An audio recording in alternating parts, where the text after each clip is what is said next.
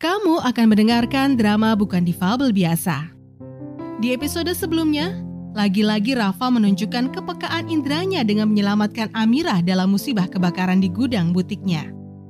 Pada episode ke-17, Ardika sebagai Rafa, Istining dia sebagai Amirah, Kenya sebagai Retno atau Ibu Amirah, Vivi sebagai Siren, Tiara sebagai Dokter Fajira, dan Nanda sebagai Joni.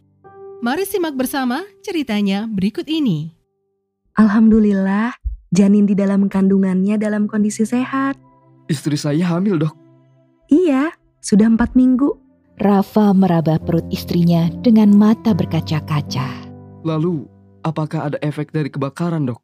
Luka bakar sudah kita tangani sebaik mungkin. Insya Allah nggak apa-apa. Kita pantau 2-3 hari ke depan, mudah-mudahan sesak nafasnya berkurang ya. Nanti kita ronsen kembali untuk melihat perkembangannya. Terima kasih, Dok. Baik, saya permisi dulu. Makasih dok. Amira, Ibu sudah minta tolong Haikal mengurus semua. Jadi, kamu istirahat saja dulu. Jangan terlalu memikirkan pekerjaan. Iya bu, Mas, kamu gak kenapa-napa kan? Gak apa-apa, cuma luka bakar kecil. Ayo Amira, kamu makan dulu. Kak Rafa, Sian mau bicara. Kita ngobrol di luar yuk. Siren menggandeng tangan kakaknya keluar dengan wajah serius. Kakak kok nggak ngasih tahu Siren sih? Kasih tahu apa? Soal kejadian di parkiran mall dan kejadian hari ini. Kebakaran di gudang. Siren justru tahu dari video viral. Dua kejadian itu viral, Kak. Makanya Siren langsung telepon. Kakak cuma belum sempat memberi kabar aja sih Ren. Tadinya hari ini kami mau ke rumah mama. Tapi ternyata ada musibah. Kak, nggak usah jadi jagoan. Lihat tuh jari kaki, pada melepuh. Lalu aku harus bagaimana? Membiarkan istriku terbakar di dalam gudang?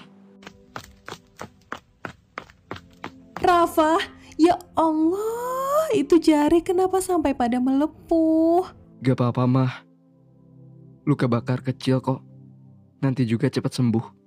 Kamu kok nggak ngabarin mama sih? Kalau Siren gak telpon, mama gak bakal tahu. Semua khawatir sama kamu, Kak. Maaf mah, Rafa gak sempat ngasih kabar. Ya udah, yang penting sekarang kamu dan Amirah baik-baik saja. Mama mau melihat keadaan Amirah ya.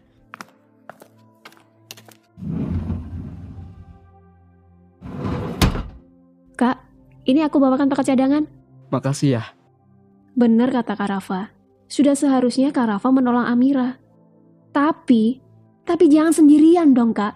Kakak kan Buta. Sampai kapan orang akan mengira bahwa orang buta tidak bisa berbuat sesuatu? Ternyata stigma itu ada juga di dalam pikiranmu. Adikku sendiri. bukan begitu Kak. Setiap orang punya batas kemampuan. Jangan memaksakan diri untuk bisa segala hal dan sok kuat. Kakak pikir aku nggak tahu kalau kakak ingin membuktikan bisa menjalani hidup seperti orang normal. Normal. Jadi kamu membedakan antara normal dan cacat. Apakah kamu tidak berpikir? Bahkan orang normal saja memiliki kebutuhan khusus. Bukankah kamu juga memerlukan kacamata untuk membaca? Kita sama-sama orang berkebutuhan khusus. Kak Rafa, Dengar Siren. Jika kamu melihat dengan mata, kami melihat dengan cara yang berbeda. Yang mungkin tidak kamu pahami. Karena kamu tidak mengalami. Jadi berhentilah mengasihani kakak. Rafa melangkah masuk ke dalam ruang perawatan Amirah dan meninggalkan Siren yang masih tampak khawatir. Siren terdiam mendengar ucapan Rafa barusan. Sejak kecil, Rafa adalah seorang kakak yang selalu menjaganya. Siren adalah orang yang paling bersedih ketika Rafa kehilangan penglihatannya. Dia ingin bisa menjadi mata bagi kakaknya. Tenangkan hati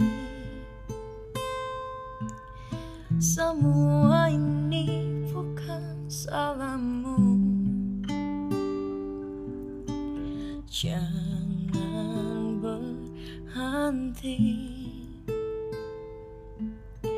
Yang kau takutkan takkan terjadi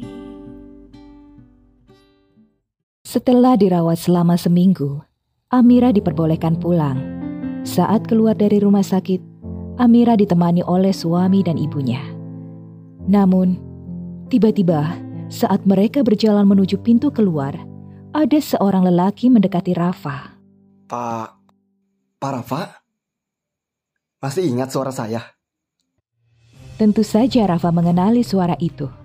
Dia terkejut akan bertemu supir nakal yang pernah berbuat jahat kepadanya. Rafa mundur selangkah. Tangan kirinya mengambil posisi melindungi dua wanita di dekatnya. Lalu dia mengarahkan tongkatnya kepada lelaki itu. Sempat ada suasana sedikit tegang. Amira dan ibunya tentu ikut terkejut dengan reaksi Rafa. Mereka berdua tidak mengenali lelaki itu. Saya cuma mau minta maaf. Saya sangat menyesal. Saya selalu terbayang kebaikan Bapak pada saya. Dan juga saya dihantui rasa bersalah, Pak. Rafa menurunkan tongkatnya. Bapak sedang apa di sini? Anak saya sakit, Pak. Sudah tiga bulan lebih dia di sini. Itu yang membuat saya melakukan hal. Iya, gak apa-apa. Saya sudah memaafkan dan saya bisa pahami itu. Terima kasih, Pak. Saya merasa malu pada diri sendiri dan juga pada keluarga saya. Bapak memberikan saya uang, bahkan tidak melaporkan saya. Padahal, saya sudah menyakiti Bapak. Siapa dia, Mas? Rafa tidak menjawab pertanyaan Amira. Dia sendiri tidak tahu nama lelaki itu. Setahunya, akun taksi online itu bernama Suherman. Tapi dia ragu jika lelaki di hadapannya saat ini adalah lelaki dengan nama sesuai akun. Dia merasa lelaki itu hanya meminjam akun untuk mencari uang dengan menjadi supir taksi online. Rafa tidak bisa memastikan karena dia tidak bisa melihat nomor mobilnya pada waktu itu. Apakah sesuai dengan nomor kendaraan yang tercantum pada aplikasi? Oh iya, Pak. Perkenalkan, nama saya Joni. Waktu itu saya hanya minjem akun teman saya, Pak. Oh, saya paham sekarang. Dia supir yang pernah bikin kamu celaka kan, Mas? Amira, Pak Joni sudah menyesali perbuatannya. Jangan kita perpanjang ya. Anaknya sedang sakit. Saya minta maaf, Bu. Iya, sudah. Gak usah diperpanjang. Kami permisi ya, Pak. Permisi, Pak. Semoga anak Bapak cepat sembuh. Terima kasih telah mendengarkan drama Bukan Difabel Biasa. Nantikan episode selanjutnya. Drama ini dipersembahkan oleh Ruang Suara Kreatif Production.